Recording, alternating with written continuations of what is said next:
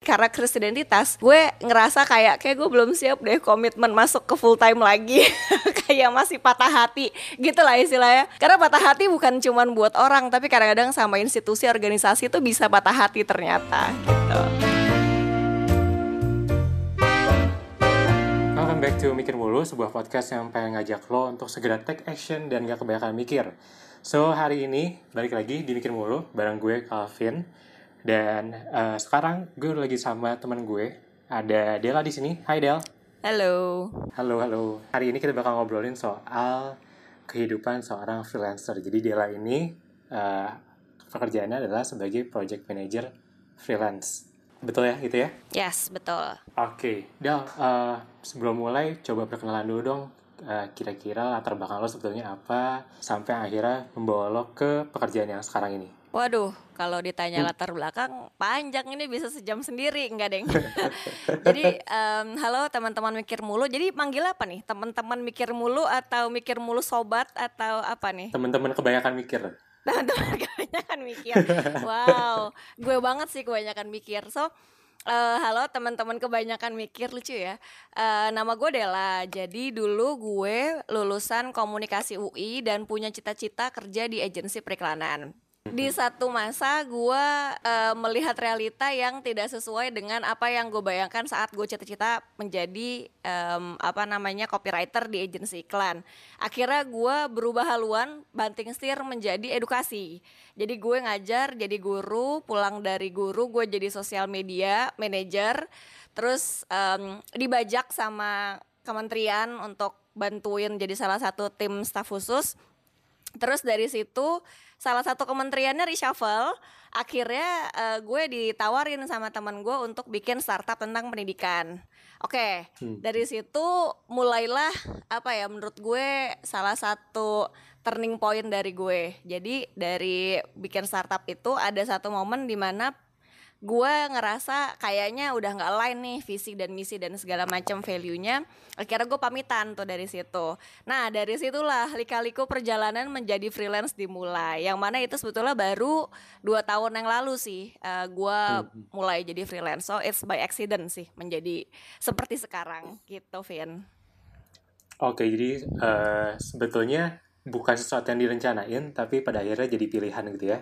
Ya betul Nah, sebetulnya apa sih yang melatar belakangi lo untuk akhirnya milih untuk jadi freelancer deh, nggak balik ke pekerjaan yang di company mungkin, atau bikin project lagi? Jadi sebetulnya gue emang nggak pernah jadi kerja di korporat. Jadi gue juga nggak bisa ngejudge eh, gue sebetulnya cocok atau enggak karena emang belum pernah. Tapi gue menjadi karyawan itu udah bertahun-tahun. Walaupun pindah-pindah kan. Ada yang jadi guru, ada yang kerja di konsultan kreatif, ada di akademi juga ada. Waktu itu gue bantuin project project sekretaris untuk eh, agenda sains gitu itu juga pernah jadi kerja di instansi lah ya istilahnya bekerja sebagai karyawan full time di instansi sih udah bertahun-tahun. Jadi apa namanya kalau ngomongin soal freelance sendiri karena cuman cuman baru dua tahun ya jadi sebetulnya belum terlalu banyak pengalaman gue cuman insightnya banyak banget. Dan kenapa tiba-tiba jadi freelance ya? Karena itu karena sebetulnya sih jujur aja ketika gue pamitan dari startup yang sebetulnya menurut gue tuh super apa ya dekat di hati lah ya em, painnya, misinya segala macam. Dan jadi ketika gue keluar gue tuh merasa krisis identitas. Jadi kalau orang-orang bilang quarter life crisis tuh ya kayak iya bener. Dan kebanyakan mikir ya kebanyakan mikir. Jadi sebetulnya satu karena krisis identitas tadi mencari kembali jati diri kalau gue bukan startup itu gue adalah apa. Itu yang lagi itu itulah kenapa gue menjadi pekerja lepasan Terus yang kedua, gue ngeliat ada peluang. Jadi gue ditawarin, sebetulnya ditawarin, Del mau nggak pegang project X sekian bulan, eh, budgetnya sekian gitu. Dulu waktu masih megang si startup, gue mikir kayak oh ya udah, gue ikutan. Tapi nanti startup gue ini ya masukin orang buat belajar, misalkan kayak gitu. Jadi gue ngeliat ada peluang. Nah ketika gue cabut dari sana, jadinya gue eh, sebagai individu kan, gue nggak atas nama instansi nggak atas nama apa jadi yang kayak oh ada peluang ternyata orang uh, nyari yang kayak begini jenis pekerjaan kayak gini nih project manager freelance. Terus sama yang terakhir sebetulnya lebih ke arah tadi karakter identitas gue ngerasa kayak kayak gue belum siap deh komitmen masuk ke full time lagi. Kayak masih patah hati gitu lah istilahnya. Karena patah hati bukan cuma buat orang tapi kadang-kadang sama institusi organisasi itu bisa patah hati ternyata gitu. Ternyata bisa ya ternyata patah yes. hati itu nggak cuma dari orang ke orang tapi dari orang ke institusi yang mungkin ya di dalamnya juga ada orang-orang juga gitu yes, ya. Yes betul. Kayak gitulah rasanya. Kayak lo belum siap untuk untuk uh, punya pasangan lagi karena masih belum siap komitmen. Nah ini sama kayak kerjaan full time kayak tar dulu tar dulu, tar dulu. gitu. Oke, okay, nah sebetulnya apa sih yang ngebedain uh, pekerjaan freelancer sama orang-orang yang mungkin pekerjaannya bisa dibilang pekerjaan tetapnya adalah yang di company atau di organisasi? Ya intinya sih kalau paling gampang itu ngomongin nggak um, terikat institusi ya. Tadi tidak terikat institusi, istilahnya kalau di dunia HR itu PKWT perjanjian kerja -hmm. waktu tertentu. Kalau full time kan PKWTT, pekerja uh, perjanjian kerja waktu tidak tertentu. Ini gue sebetulnya juga googling nih sebelum sebelum apa sebelum sharing ini supaya teman-teman bisa kebayang nih nanti googling oh ya PKWT PKWTT gitu. Nah yang membedakan apa? Satu nggak ada tunjangan nggak ada gaji bulanan nggak bisa dapat pesangon kalau misalkan di PHK nggak ada THR dan uh, yang kedua itu nggak terikat uh, waktu jadi eh sorry terikat waktu. Hmm. tadi kan namanya aja kan perjanjian kerja waktu tertentu. Jadi memang ada batas waktu tertentu untuk bekerja dan gak boleh probation nih. Jadi kalau misalkan lu freelance terus kayak bilang udah dicoba dulu. Ya kagak bisa. Ada ada barang ada harga kagak bisa probation probation gitu. Kurang lebih perkenalan gitu dulu gitu ya. Iya. Harganya perkenalan boleh tapi kalau kagak dibayar ya jangan Nah, terus sebetulnya sebetulnya dari yang lo udah alami nih dua tahun ini berjalan, sebetulnya apa sih yang enaknya dari uh, kerja freelance sama uh, nggak enaknya kerja freelance? Karena kan kalau kita ngeliat anak-anak sekarang nih, uh, anak-anak yang baru lulus atau yang baru uh, selesai kuliahnya atau dari SMA mau masuk kuliah bahkan kayak uh, ada yang mereka memang pengen kerja di company, pengen punya kehidupan yang lebih stabil atau mungkin jadi PNS, tapi ada juga yang pengen oh gue kayaknya pengen pengen bebas. Apakah si freelance ini juga mengakomodasi itu atau enggak? Jadi suka dukanya apa sih sebetulnya dari kerja sebagai freelancer?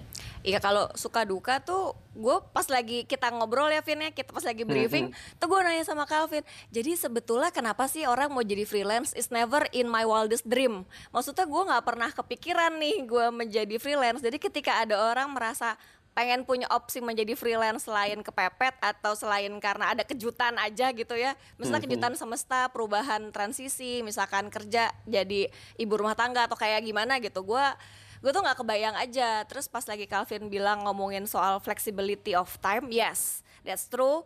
Itu salah satu faktor terbesar mungkin buat gue um, yang menjadi yang menyenangkan yang menyenangkan dari menjadi freelance. Tapi sekaligus waktu adalah kayak kayak koin ya kayak pedang apa sih istilahnya bermata dua istilahnya. Bermata jadi dua. kalau ngomongin waktunya fleksibel yang berarti lu juga nggak punya waktu libur kecuali lu meliburkan diri. Jadi nggak ada tuh cerita oh libur lebaran mana ada libur lebaran? Atau kayak sabtu minggu kerja ya kerja ayo hajar gitu. Jadi ya tadi ngomongin soal waktu itu suka dan duka ya sekaligus terus yang kedua itu ngomongin soal uang jadi kalau misalnya beruntung pas lagi dapat projectnya oke okay, itu kalau hitung-hitung lebih gede dibanding kalau lu salary biasa dari kerja gaji bulanan. Tapi di satu sisi kalau nggak ada project ya seret gitu. Jadi yang kayak tadi suka dan duka dalam satu apa ya dalam satu um, apa satu terms yang sama gitu. Waktu terus uang terus uh, tempat. Tempat ngomongin soal kerja di mana aja. Jadi kan kayak ngebayangin enak banget ya freelance. Misalkan uh, apa desainer. Bisa kerja di rumah atau di cafe apa segala macam yes. Itu enak karena bisa kerja di mana aja. Bahkan lu bisa ke Hawaii terus lu kerja gitu boleh terserah bebas ya penting kan delivery. Tapi nggak enaknya adalah ketika nggak ada kantor setiap hari lu bingung mau ke mana keluar modal buat ke kafe keluar modal buat transportasi meeting dari satu tempat ke tempat lain dan lain-lain. Itu lumayan ya sebetulnya ada opportunity cost yang uh, hmm. apa harus dikeluarkan ketika nggak punya tempat yang tetap untuk bekerja. Itu yang ketiga. Terus yang keempat sebetulnya ngomongin soal variasi project. Ini gue langsung digabung ya suka dan duka. Jadi yang mhm, mhm. menyenangkan apa variasi project karena jadi nggak bosen. Banyak banget yang bisa dipelajari, ketemu banyak orang, terus banyak hal-hal seru lah yang kayak jadi nggak bosan itu tadi uh, tantangannya. Nah, yang gak enak adalah ya stres. Kadang-kadang tuh harus belajar hal baru lagi, dunia baru yang lu tadinya nggak kepikiran, atau kejutan-kejutan yang kayak nggak dipersiapkan karena baru tahu tuh industrinya, baru tahu pemain-pemain. Maksudnya kayak oh ini tuh stakeholdersnya tuh siapa aja sih? Kayak gitu hal-hal gitu sih yang kayak menurut gue empat hal itu yang um, apa namanya menjadi suka duka suka dan duka sekaligus gitu.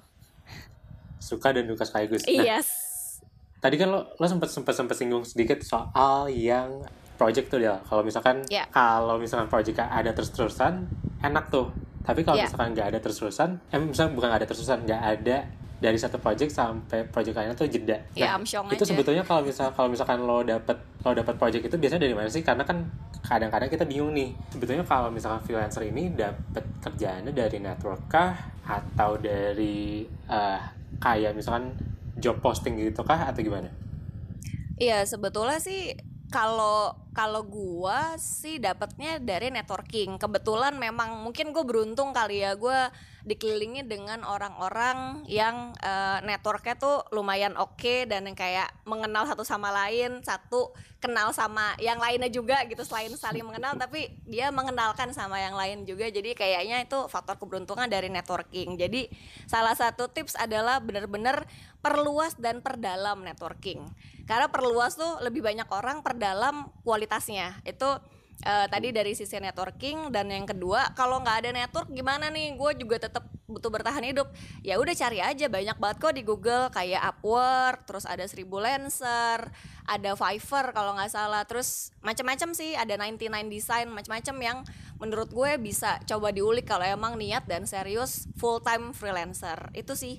Uh, berarti kan salah satu skill yang dibutuhin adalah si networking itu sendiri. Nah yes. selain selain si networking itu sendiri uh, sebetulnya apa sih yang lo butuhin sebagai kalau dalam kasus lo kan ini project manager nih project manager yeah. freelance kira-kira skill hmm. apa aja yang dibutuhin kalau ngomongin specifically project management itu kan ya gimana caranya lu tuh punya skill manajerial jadi hmm, memanage hmm. dari mulai resource resource tuh bisa jadi tim bisa jadi butuh apa aja peralatan atau segala macam bisa juga dari budget. Jadi manage budget nih sekian proyeknya lo alokasiin buat apa aja harus efisien nggak boleh uh, apa namanya nggak boleh minus. Bahkan kalau bisa ada ada margin apa segala macam misalnya ada budget gitu biar efisien. Terus timeline. Jadi e, gimana caranya ngelihat dari satu project dibikin timeline dan manage dari stakeholder karena kan mungkin ada banyak banget yang harus dikolaborasikan terus dikerja sama gitu jadi itu sih e, menurut gua empat hal ngomongin soal resource budget timeline sama stakeholders itu dalam satu kesatuan skill project management Nah, hmm. yang kedua itu communication. Itu sebetulnya berhubungan juga sama tadi. Karena kalau nggak bisa berkomunikasi, mungkin budgetnya jadi nggak efisien. Misalkan nggak bisa nego gitu, atau misalnya timelinenya jadi nambah karena kayak nggak ngerti-ngerti atau salah brief atau atau mungkin malah jadi bermasalah jadi ada konflik segala hmm, hmm. macam. Itu memperpanjang tuh kan timeline. Jadi komunikasi adalah skill penting gimana caranya membuat orang lain paham apa yang kita maksud dan uh, kita juga paham sama yang orang lain maksud. Jadi interaksi keduanya itu communication Iya nego, terus um, manage gimana apa berdamai, macam-macam lah ya konflik gitu-gitu itu hmm. communication. Terus yang ketiga itu leadership. Nah ini tuh menarik karena kemarin ketika ngobrol sama Calvin tuh kayak leadership ya, kok gue nggak kepikir leadership. Terus uh, gue googling tuh, googling bedanya uh, manajer manajer dan uh, pemimpin gitu. Jadi intinya kalau manajerial itu kan skill di mana lu tuh mengorganize everything gitu. Semua di manage semua di organize nah ketika ngomong leadership itu dealing with change. Dealing with uh, uncertainty. Jadi yang kayak kalau misalkan si project manager ini punya tim itu gimana cara gimana cara manage-nya? Bahkan untuk sama klien sama apa segala macam tuh ternyata leadership tuh masih penting. So the the key is how to deal with change and uncertainty how to stay positive jadi hal-hal kayak gitu ternyata skill penting walaupun bukan cuman di project management doang ya di segala macam lini tuh kayaknya emang harus kebangun dan kenapa kemarin gue nggak kepikiran karena it always start with yourself at least you can lead yourself that's um, small steps towards leadership skills gitu sih menurut gue. Oke, okay, berarti uh, the way kalau misalnya kita mau jadi salah satu leader, uh -huh. ya mm-hmm. kita kenalin dulu sama diri kita dulu ya. Iya, iya. Lead akhirnya, dulu kita. Akhirnya ke sana, betul. Ujung-ujungnya ke sana. Okay. Ujung-ujungnya ke sana lagi. Yes. Nah, terus kalau uh, kan lo masuk ke berbagai macam project. Tadi lo bilang kan yeah. projectnya dinamis, uh, industrinya beda-beda pasti kan ketemu jenis orang yang juga beda-beda. Yeah. Jenis tim yang beda-beda. Apalagi lo kan uh, project manager, berarti kan lo memimpin sebuah tim. Yeah. Nah, gimana lo uh, kerja dengan berbagai orang itu yang berbeda-beda, tantangannya beda, kebutuhannya beda, karakternya beda. Ya, ternyata jam terbang sih ujung-ujungnya. Karena kayak the more you work, the more you will see many people gitu. Jadi yang pertama adalah empathy itu hmm, common hmm. common ground lah ya gimana um, lu bisa tahu apa kebutuhannya dia net assessment jadi yang kayak kalau misalkan ada yang request eh lu bisa nggak ngerjain project ini segala macam jadi kebutuhannya apa? Masalahnya apa? Challenge-nya apa? Aspirasinya apa? Jadi net assessment itu yang pertama kali coba di gali si empati tadi kan gimana kita bisa ada di posisi dia yang uh, butuh orang untuk manage projectnya itu satu Terus yang kedua adalah building trust, profesionalitas atau apa ya reputasi karena kayak tadi ngomongin networking itu kan jadi aset ya. Jadi ketika dealing sama orang itu mungkin rekomendasi menjadi penting kayak yaudah lo sama si dia aja nih kerjanya beres, dia on time, uh, orangnya ramah gitu, nggak suka marah-marah misalnya kayak macam-macam tapi yang berhubungan sama profesionalitas. Jadi yang um, apa namanya bisa di pertanggungjawabkan, punya integritas gitu, jujur. Jadi ngomongin soal uh, profesionalitas itu bekerja sama semua orang tuh butuh itu. Terus yang ketiga uh, kemarin tuh gue kepikiran soal design thinking atau anything that relates to uh, user centric. Jadi kadang-kadang kita suka suka punya jebakan di mana kita pikir kita nawarin jasa orang mau, tapi kadang-kadang tuh kita coba ngelihat dari sana sebetulnya yang yang dibutuhin tuh apa sih? Usernya tuh kayak apa um, perjalanannya? Jadi tadi user centric kebutuhannya dari dia. Sama lah kayak need assessment tapi lebih ke arah kalau need assessment kan ke kliennya kalau ini user tuh bisa jadi pengguna atau uh, marketnya si klien misalnya kayak gitu. Jadi macam-macam sih. Uh, yang penting sih tiga hal itu yang menurut gue kayaknya cukup relevan sampai sekarang untuk jadi mantra buat gue. Oke okay, berarti si user centric itu sebetulnya uh, jadi menempatkan diri lo untuk melihat uh, dari kacamata si pemberi project kali ya. Iya iya. Ini contoh jadi, ya, relevannya. ya, uh.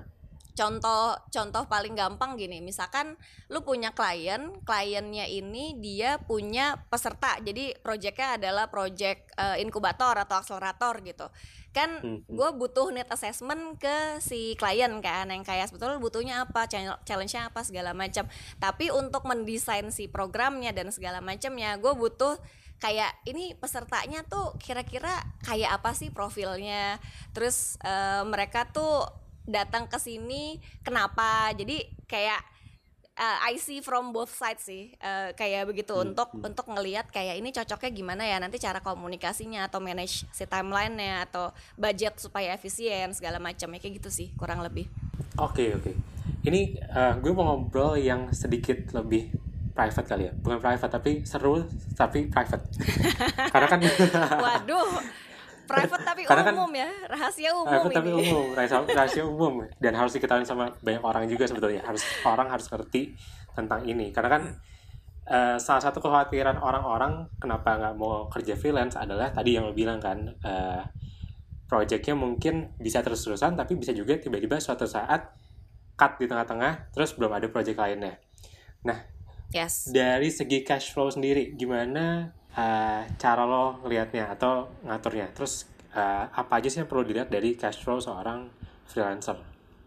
Iya ini sebetulnya ilmu preman ya nggak ada yang ngajarin gue. Jadi gue bener-bener belajar dari pengalaman dari kegagalan dari nggak punya duit terus pakai dana darurat gitu. Jadi macam-macam nah akhirnya gue petakan nih sebetulnya ada empat skema pembayaran yang biasa hmm, hmm. dibayarin sama klien-klien. Satu tuh bundling.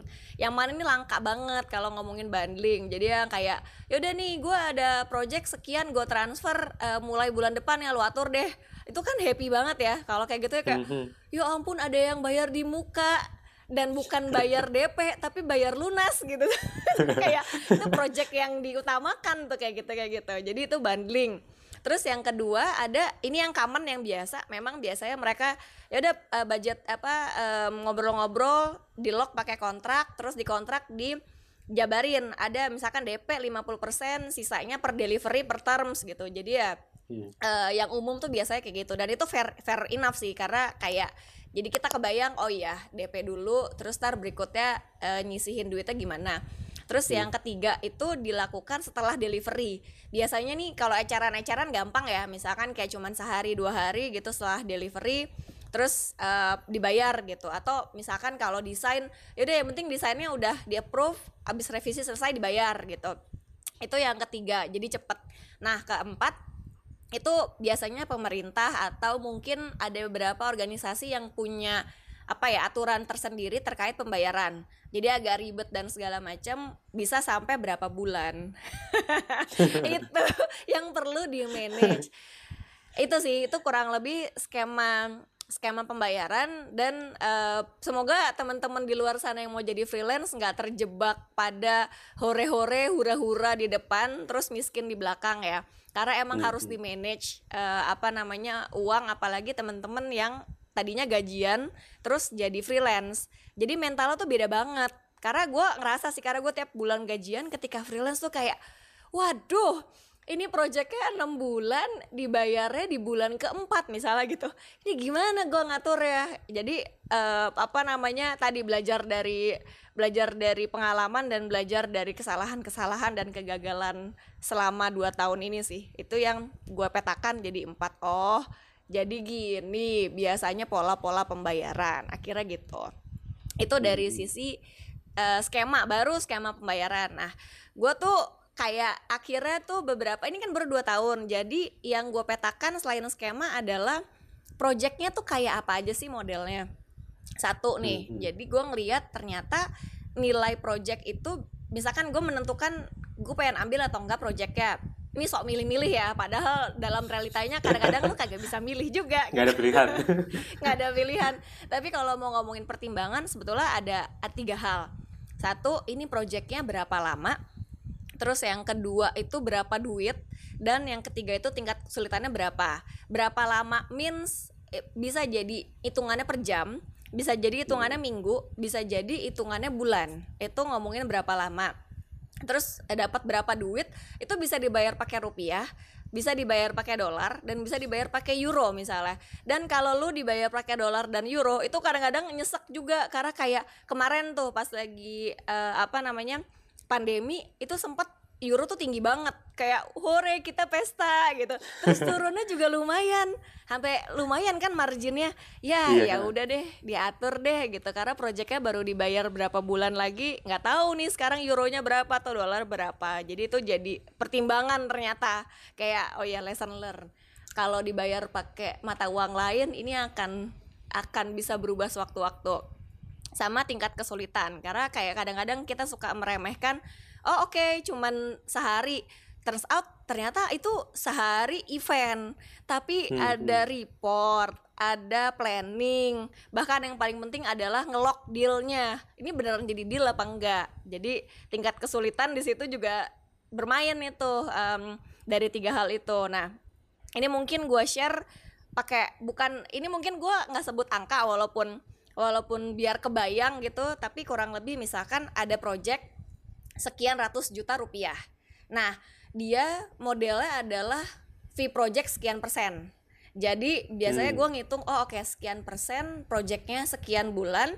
Terus uh, eh, gue bagi nih, jadi kalau ngitung per bulan tuh kira-kira gue harus uh, punya bukan punya maksudnya gue harus pengeluaran gue diirit-irit sampai berapa gitu jadi misalkan kayak per bulan misalkan saya dua belas setengah juta atau 15 juta gitu ya berarti pengeluaran gue nggak boleh di bawah eh nggak boleh di atas 10 juta.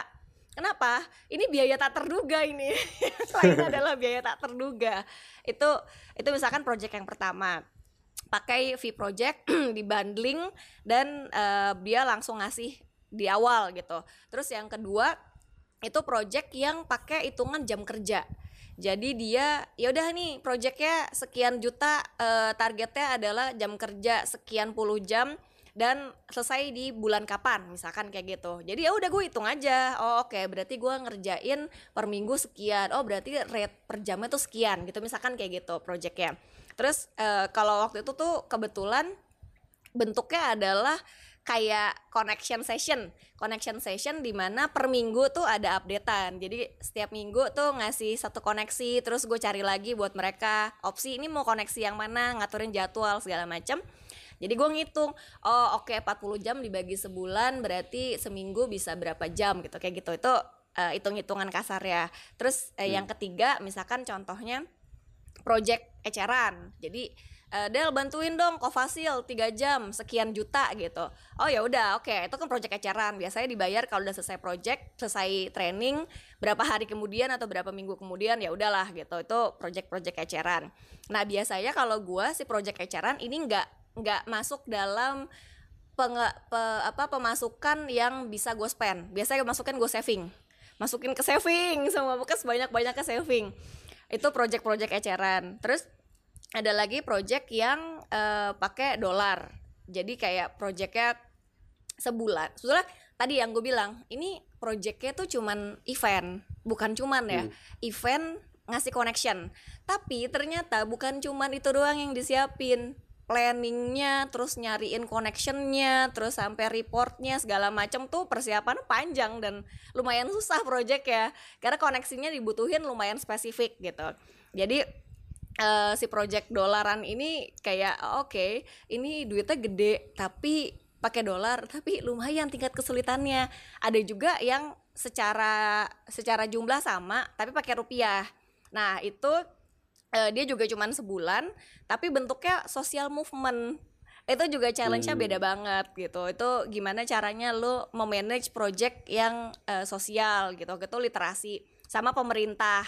Jadi yang kayak wow kayak gini ya ternyata uh, apa namanya ngerjain proyeknya pemerintah seru juga gitu. Maksudnya challenge-nya beda banget gitu. Terus yang uh, berikutnya pakai pakai euro. Nah ini yang kayak kemarin. Ya sial proyeknya panjang pakai euro.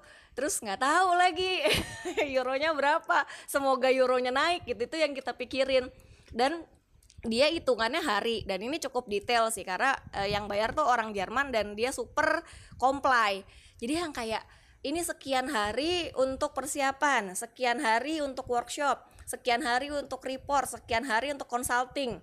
Terus dihitung berapa orang dua orang tiga orang gitu. Jadi yang kayak dalam waktu enam bulan lu bekerja 60 hari dapat sekian euro uh, di manage oleh dua orang fasilitator kayak gitu. Jadi yang kayak wow ini projectnya seru ya udah disiapin semua kita tinggal uh, execute gitu. Kita sebagai kontraktor atau apa pun namanya di kontrak tuh yang kayak oh, oke okay, it's a different challenge ya but it's easier karena semua udah ada strukturnya kayak gitu. Itu beberapa project yang kayak akhirnya bisa gue petain. Ntar gue kayak kebayang apalagi ya project lucu yang kira-kira bisa jadi menambah portofolio pola. Itu yang sedang gue nanti nantikan portofolio pola. Gitu. Iya portofolio pola. Oke jadi jadi banyak banyak banget nih apa uh, bentuk project-project yang udah lo jalani nih dan dan mungkin yeah. masih banyak lagi yang belum diaspor karena kan baru dua tahun juga kan iya yeah. yes betul nah berarti kan berarti kan lo ngurusin semuanya sendiri iya. mulai yeah. dari mungkin ngitung costnya terus mm-hmm. uh, lu kira-kira uh, gue harus dibayar berapa ya kira-kira terus sama soal legalnya berarti lo belajar itu itu semua ya itu dia gue tuh masih pusing mikirin pajak gue kemarin tuh kayak ini pajak gimana ya minta tolong aja deh gitu. Jadi uh, ada momen di mana akhirnya nebeng tanda kutip secara pajak itu lebih lebih aman lebih apa ya lebih terstruktur kalau uh, dilakukan oleh PT jadi yang kayak ya udah deh uh, partners partnersnya tuh dia udah punya PT nah si pakai si PT partnersnya ini untuk pembayaran pembayaran gitu. Ada ada uh, pola-pola kayak gitu juga atau untuk memudahkan ya untuk less hassle gitu. Ada juga yang kayak uh, ya udah mau nggak mau gue kerjain semua sendirian ngurusin invoice ngurusin legal terus pusing pajak segala macam. Tak hanya sana sini ya itu emang ada dirty worksnya juga ada. Itu ada yang kayak begitu juga. Dan kayak ya tadi sih kadang eh, kadang-kadang tuh lu tuh karena lu jadi muka gitu ya lu tuh nggak bisa berlindung tanda kutip berlindung di balik perusahaan. Karena kayak you are your own self representation gitu. Lu tuh nggak mewakili uh, apa pun. Jadi ya itu sebetulnya pertaruhannya ada di situ yang paling menantang ya gitu reputasi. Personal branding kali ya istilahnya personal ya, branding gitu ya? Iya. Oke okay, nah terus uh, kan tadi kita sempat ngomongin uh, keuangan gitu kan nah dengan kondisi sekarang ini sebetulnya seberapa penting sih menurut lo kalau kita kan berapa minggu ini mungkin sering dengar tuh di sosial media banyak yang ngobrolin soal uh, dana darurat. Mm-hmm. Nah sebenarnya untuk freelancer seberapa penting sih dana darurat? Apakah itu sesuatu yang setiap saat dibutuhkan atau gimana? Wah itu uh, percayalah lu mungkin merasa itu nggak penting karena saat itu lu nggak butuh. Tapi tapi kayak karena namanya dana darurat emang itu tidak didesain untuk untuk dipersiapkan. Itu adalah dana yang memang di, di apa dipakai ketika masa-masa darurat gitu kejutan-kejutan semesta yang kita nggak tahu gitu. Nah sebetulnya gue juga pas gue tuh gini jadi gue tuh emang punya kebiasaan nabung kan. Dulu tuh emang hmm. kerjaannya pakai recehan gitu ya ngumpulin recehan. Atau misalnya lu dapet uh, jajan sekian pasti ada yang gue sisihin gitu. Jadi nabung tanpa purpose tanpa tujuan emang pengen nabung aja. Jadi dana darurat ketika ketika gue udah punya kebiasaannya jadi nggak terlalu susah untuk dana darurat. Karena gue cuma mikir oh ya udah ini tabungan aja that's it. Nah ada momen di mana jadi gue tuh sempat full time sempat full time terus uh, ketika full time gue kayaknya kagok ya. Gue gue tuh uh, mempertanyakan lagi. Gue kebanyakan mikir ya kayak podcastnya mikir mulu. Gue kebanyakan mikir kenapa ya kok ini kerjaan udah asik timnya asik bosnya asik? Pokoknya seru banget gitu. Tapi gue ngerasa nggak nyaman. Gue ngerasa kayak gue pengen punya kontrol sama uh, tadi tuh pola-pola pola-pola portofolio lucu tadi tuh portofolio pola. Hmm, hmm, hmm. kayak gua, iya kayak ya boleh lah kalau misalkan gue ada di sini gue nggak mengerjakan sesuatu yang uh, repetition tapi kayak project A langsung project B project C gitu tapi full time gitu tuh masih nggak apa-apa. Dan punya keleluasaan untuk ngerjain project-project lainnya itu kebayangnya. Nah um, pas lagi udah full time. Tadi kan kalau full time kan bisa probation ya. Nah masa hmm, probation hmm. ternyata gue ngerasa nggak cocok. Gue bilang sama si bosnya cuy gue kita seumuran nih bosnya kan seumuran. Gue kayaknya enggak deh. Sorry ya maksudnya bukan bukan dia juga tahu sih perform maksudnya gue masih perform di kantor itu. Ya sorry ya gue kayaknya cocokkan proyekan nih. Nanti kalau misalkan lo ada project kasih gue aja tapi nggak full time nih gitu. Jadi kita review segala macam dia kayak ya masa gue harus cari lagi orang yang kayak lu di mana nyarinya? Gitu. Dia juga kayak agak sedih tapi dia kebayang konsernya karena kita emang lumayan sering ngobrol segala macem. Akhirnya uh, deal-dealannya gini yaudah deh gini deh gue cabut sekitar tiga bulanan lagi deh nyelesain apa yang harus diselesaikan. Terus bilang nggak nggak nggak kasihan lu nya juga kalau harus ditahan tiga bulan. Ya udah gini aja.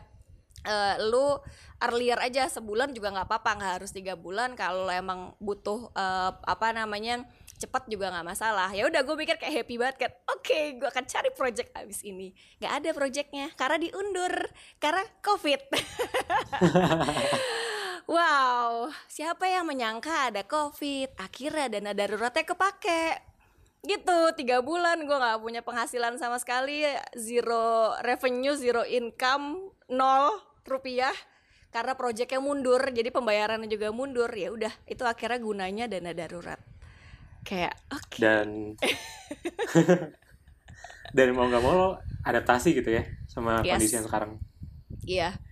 Ya adaptasi banget karena kliennya juga adaptasi. Jadi kita ya saling menguatkan dan saling menyemangati kayak ya kita paham situasinya, dikurangin nggak apa-apa, tapi nanti ada kompromi di mana. Jadi ya itulah mm-hmm. yang kayak waduh lumayan ya pandemi ini ya bikin stres juga.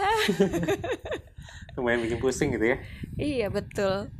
Oke, nah tadi kita udah ngomongin udah lumayan tuh, lumayan banyak banget A sampai Z Nah, kira-kira kalau misalkan lo bisa ngasih tips nih untuk teman-teman yang mau jadi freelancer, kira-kira apa aja sih tipsnya? Hmm, sebetulnya kalau tips ilmu preman banyak, tapi kurang lebih petanya ada tiga. Satu, peta kemampuan. Kedua, hmm. peta jejaring. Sama ketiga, peta sumber daya. Sumber daya tuh maksudnya kadang-kadang kita dibatasi oleh waktu dan uang kan. Itu sumber daya. Jadi yang penting adalah gimana membuat strategi cash flow karena tuh yang utama tuh cash flow. Nggak bisa lu projectnya nilainya sekian tapi dibayarinnya baru enam bulan lagi gitu. Itu tadi uh, apa resource.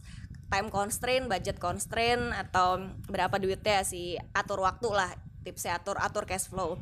Terus yang kedua tadi peta jejaring. Tadi kan kata kunci adalah perdalam dan perluas karena kadang-kadang kita butuh uh, network yang berkualitas gitu. Um, apa lebih dalam lebih koneksinya tuh lebih deep gitu. Tapi ada juga yang butuh lebih luas karena mungkin butuh reach ke banyak orang gitu. Jadi yang kayak network jejaring ya orang bilang bisa jadi social climber tapi menurut gue bukan social climber sih. Uh, membangun hmm. jejaring tuh is is a meaningful one. It's not just like uh, apa berapa juta followers itu enggak. Itu jejaring tuh beda ya sama followers ya. Itu tipsnya. It's not numbers. Yes yes gitu. Itu tentang kualitas numbers juga sih kuantitas juga. Cuman hmm. bukan kayak yang superficial gitu sih. Lebih ke karena kadang-kadang ada yang lo tuh butuh asetnya berapa jumlah koneksi yang bisa dihubungkan. Tapi berapa hmm. jumlah koneksi yang terhubung beneran. Karena kan gue banyak tuh yang ngomongin soal stakeholders. Atau misalkan kayak gerakan sosial berapa banyak yang terlibat masyarakat yang terlibat. Itu kan ngomongin jejaring tuh sebetulnya. Hmm. uh, dan apa namanya yang terlibat seberapa dalam itu misalkan relawan ngomongin relawan yang inti gitu. Itu kayak ya itulah jejaring tuh tips sih. Jadi banyak-banyak nongkrong banyak-banyak ngobrol banyak-banyak ketemu orang kenalan itu nggak masalah. E, malah jadi aset gitu jadi aset terbesar. Dan yang tadi itu petakan kemampuan. Karena kan kita tuh kayak ketika ngejual tanda kutip ngejual jasa itu kan kita butuh dua ya butuh hard skills sama soft skills orang tuh ya kalau di LinkedIn gitu kan biasanya hard skills ya bisa desain, hmm. bisa nulis, bisa fotografi, bisa sosial media marketing misalnya. Tapi ada juga soft skills yang sebetulnya ketika ngobrol, ketika me, apa menyelesaikan masalah, ketika membuat strategi is actually soft skills. So, dipetain dulu nih. Kalau misalnya ada gap antara gue punya aspirasi menjadi ini dan ini itu butuh skill A B C D E F G. Tapi gue belum nyampe tuh. Ya dipetain aja dulu. Ini yang gue udah punya ini yang gue akan akan punya. Gimana cara mencapainya? Jadi kayak gitu sih palingan uh, tipsnya. Oke okay, oke. Okay. tiga hal itu ya. Berarti kalau tadi uh, eh, gue bisa kesimpulan untuk yang tipsnya mungkin uh, dari tadi sumber daya terus ada jejaring terus ada kemampuan. Berarti ini sebetulnya kurang lebih kayak lo tadi paham diri tadi yang di iya. awal yeah. terus gimana lo ngeliat uh, kira-kira apa sih yang ada di dalam diri lo dan gimana lo nunjukin itu terus sama gimana lo membangun koneksi yang nggak cuma sekedar koneksi nggak cuma sekedar tahu tapi benar-benar meaningful. meaningful connection gitu ya. yes betul oke okay, sip kayaknya udah cukup ya tadi kita ngobrolin semuanya dari mulai uh, kenapa jadi freelancer? Terus kenapa yeah. apa yang sebetulnya ngebedain soal freelancer sama yang kerja di company? Mm. suka dukanya apa skillnya apa? Dan gue yakin banget ini bermanfaat banget untuk teman-teman yang lagi bingung nih pengen jadi freelance atau enggak atau mungkin sekarang ada di kerjaan tetap tapi tadi kayak yang Dela bilang gue nggak nyaman nih ada di sebuah company di sebuah kerjaan tetap. Kayaknya gue pengen coba untuk project. Nah nggak usah kebanyakan mikir uh, jalanin aja kayak Dela kan akhirnya dua tahun ini jalanin aja akhirnya ketemu tadi yang skema-skema yang uh, unik-unik tadi yang yeah. mungkin bakal nambah lagi yeah. dan pokoknya buat teman-teman jangan kebanyakan mikir karena kalau mikir mulu kapan actionnya Mantap. Thank you ya teman-teman mikir mulu. Sip, thank you uh, Oke. Dela dan teman-teman yang mau misalkan tanya-tanya atau ide konten baru, ada ide obrolan baru, teman-teman bisa langsung DM di Instagramnya Mikir Mulu at Mikir Mulu dan di sana juga kita bisa ngobrol-ngobrol hal-hal yang bikin kalian kebanyakan mikir. Karena kalau kebanyakan mikir, kapan actionnya? Sip, thank you Dela. Oke, thank you. Bye.